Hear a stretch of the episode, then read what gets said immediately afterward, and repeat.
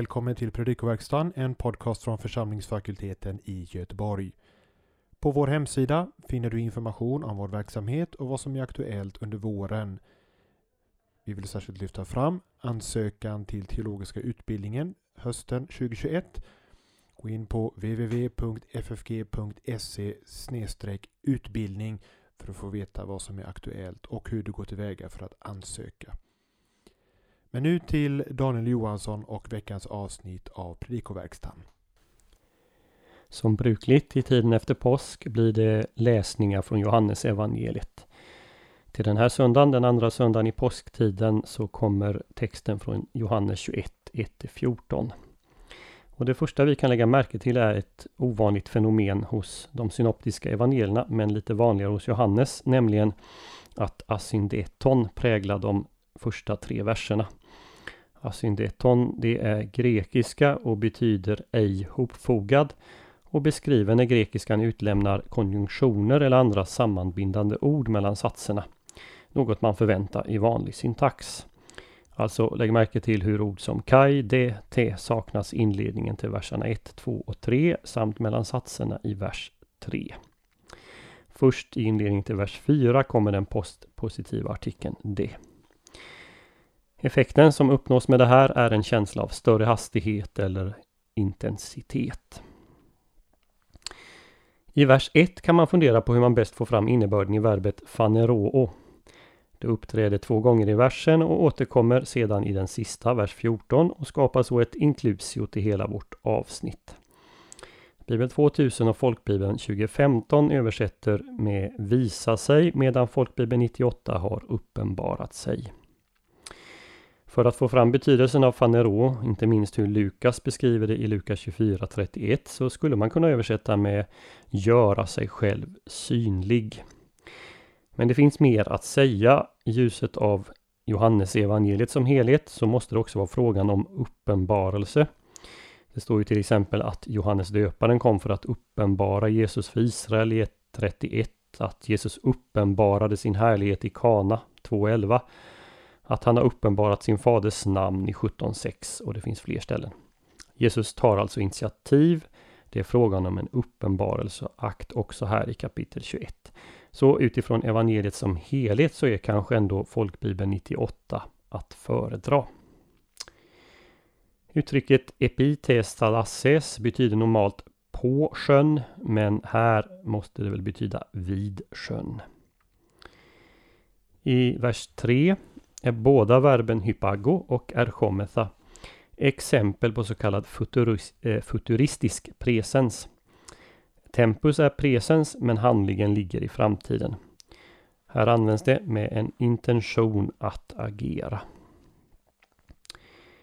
Eh, proias de de genomenes som inleder vers 4 är en genitivus absolutus sedan det blivit morgon. I vers 5 tilltalar Jesus de sju lärjungarna med paidia. En del kommentarer på engelska föreslår att det motsvarar det brittiska engelskans lads eller den amerikanska guys. Motsvarigheten i Göteborg skulle kanske vara gubbar. I så fall så skulle Jesus säga ungefär så här. Gubbar, ni har inte fått någon fisk. I vilket fall uttrycks en familjär relation eller den relation som finns mellan lärare och elever. Men det är ändå en onekligen ovanlig hälsning och måste ha tett sig märklig för lärjungarna som ju inte såg vem det var. Men vi kan också konstatera att den här hälsningen kom att prägla författaren som tilltalar sina läsare på samma sätt i första Johannesbrevet 2, 14 och 18. Eh, frågan i den här versen förväntar ett nekande svar. Eh, så vi får väl översätta med Ni har väl inte fått någon fisk, eller hur? Nej, det har vi inte. Ordet för fisk, prosfagion, är ett så kallat hapax legomenon, uppträder bara här i NT.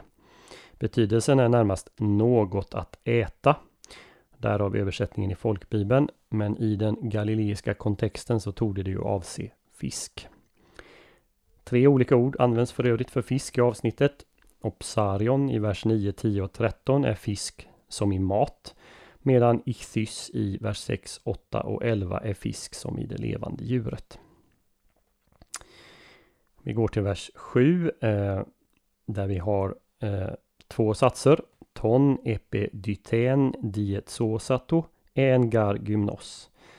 De här har fått lite olika förklaringar. Det kan ju tyckas märkligt att man klär på sig innan man tar en simtur. En förklaring är att Petrus bara haft underkläder på sig och inför mötet med Jesus klär sig i lämpliga ytterkläder, epidyten. Andra menar att Petrus var helt naken och nu tar på sig ytterkläder. Andra åter att Petrus bara knyter om sig de ytterkläder han redan har på sig för att kunna röra sig enklare i vattnet. Eh, och för att han var naken under dessa. Vilket då skulle vara en andra anledning till att han knyter dem om sig. Verbet diatsonimi, det kan betyda både klä på sig och att knyta om sig. Och gymnos kan betyda att man är helt naken men också att man är lättklädd. Notera att de svenska översättningarna översätter det här olika. Ependytes ytterplagg är för övrigt också ett Hapax Legomenon. I vers 8 Hos apoperchon diakosion betyder omkring 200 alna, det vill säga cirka 100 meter. Det här lämnas av någon anledning oöversatt i folkbibeln 98. I vers 9 lämnas det första, första participet som beskriver glödhögen, keimennen. Liggande betyder det. Det lämnas oöversatt i de svenska översättningarna. Och det är kanske lite svårt att få till på god svenska. De fick se en glödhög liggande där och en fisk liggande på den. Här kan vi för övrigt notera att Opsarion står i singularis. Det handlar om en fisk. Imperativet enengate i vers 10 är det enda exemplet på en aoristimperativ av verbet ferro i Nya Testamentet. Alla övriga imperativ av ferro står i presens. I vers 11 så står det Anebe un Simon Petros. Var gick Petrus upp egentligen? Bibel 2000 säger att han gick upp på stranden folkbibeln att han steg upp i båten. Eh, grekiskan säger att Petrus gick men det nämns inte vart så betydelsen är väl kanske snarare att Petrus steg upp efter att underförstått ha suttit. Vers 11 Tos onton onton är en genitivus absolutus som här måste vara koncessiv, det vill säga att vi behöver översätta med trots att det var så många. Och så hoppar vi fram till vers 13 där vi lägger märke till att historisk presens används för alla tre verben där kommer, tar och ger. Det ger en intensiv karaktär åt framställningen. Till sist i vers 14 så ska vi ställa frågan om eh, fanerothe står i medium och har betydelsen visade sig eller i passivum visade blev synlig. Båda är möjlig, men med tanke på att Johannes hade använt aktiv form när det här verbet fanero dök upp i vers 1 så är det möjligt att det ska förstås som passivt här. Nämligen att Jesus visades, att han blev synlig. Bibel 2000 och folkbibeln tar det i medium visade sig. Ser vi så på strukturen så kan vi konstatera att verserna 1 3 utgör väl bakgrunden till det hela. Verserna 4 6 beskriver hur Jesus gör sig synlig för lärjungarna och uppmanar dem att kasta ut nätet igen.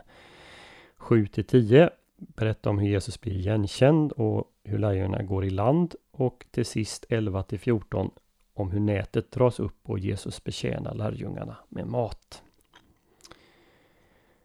Vår text knyter an till åtminstone tre föregående händelser i evangeliet. Det här är till exempel andra gången Tiberias sjö nämns. Första gången var i 6.1 i samband med bespisningsundret. Det finns andra likheter med kapitel 6 också, till exempel beskrivningen på hur Jesus delar ut maten. Han tar och han ger. Jämför med kapitel 6, vers 11. Och även här har vi ett matunder när lärjungarna får en överflödig fiskfångst. För det andra omnämnandet av kolelden som ligger på marken. Det påminner om kolelden, exakt samma ord på grekiska, vid vilken Petrus värmde sig på översteprästens gård i kapitel 18. Eh, med tanke på vad som sen sker efter vår läsning så är det väl uppenbart att Johannes vill knyta ihop det här med Petrus förnekelse vid elden och knyta ihop det till hans bekännelse nu vid en annan koleld. För det tredje anknyter texten eh, på ett särskilt sätt till de två gånger Jesus tidigare visat sig för lärjungarna. Texten inleds ju med ett metatauta, efter detta, vilket syftar tillbaka på mötet mellan Jesus och Thomas. Det understryks också av adverbet pallin, åter, igen. Dessutom avslutas texten med orden att det var tredje gången Jesus uppenbarade sig för lärjungarna efter att han uppstått. Egentligen är det fjärde gången Jesus visar sig. Den första var för Maria från Magdala. Men Johannes fokuserar här på de gånger han har visat sig för lärjungarna som grupp. Ett antal frågor kan inställa sig till den här texten. Varför går lärjungarna och fiskar när de har fått den heliga ande för att förlåta och binda i synd? Det kunde man läsa om i kapitel 20, verserna 22 till 23. Ja, en del utläggare menar att de helt enkelt har övergivit sitt uppdrag här. Eh, andra att det är mer ett uttryck för desperation och så vidare. Jag tänker att det finns en mycket enklare förklaring, för enligt både Markus och Matteus evangelierna så skulle lärjungarna efter Jesu uppståndelse gå till Galileen för att möta Jesus där. Nu är de i Galileen vid sjön eh, och i väntan på att han kommer behöver de mat och gör det många av dem kan, nämligen fiskar. Här kan vi för övrigt notera att i evangelierna faktiskt aldrig berättas om att lärjungarna får fisk utan Jesu hjälp, trots att de var fiskare. Det finns ju också en nära parallell till Lukas 5 här och där Petrus får sin kallelse efter att han har fått en övernaturligt stor eh, fiskfångst. Nästa fråga. Varför känner lärjungarna först inte igen Jesus? Har det med uppståndelsekroppen att göra? Ja, men de har ju redan sett honom uppstånden. Det enkla svaret är väl att de befinner sig mer än 100 meter ut. Det är inte helt lätt att se vem det är, i synnerhet inte om det är morgondis.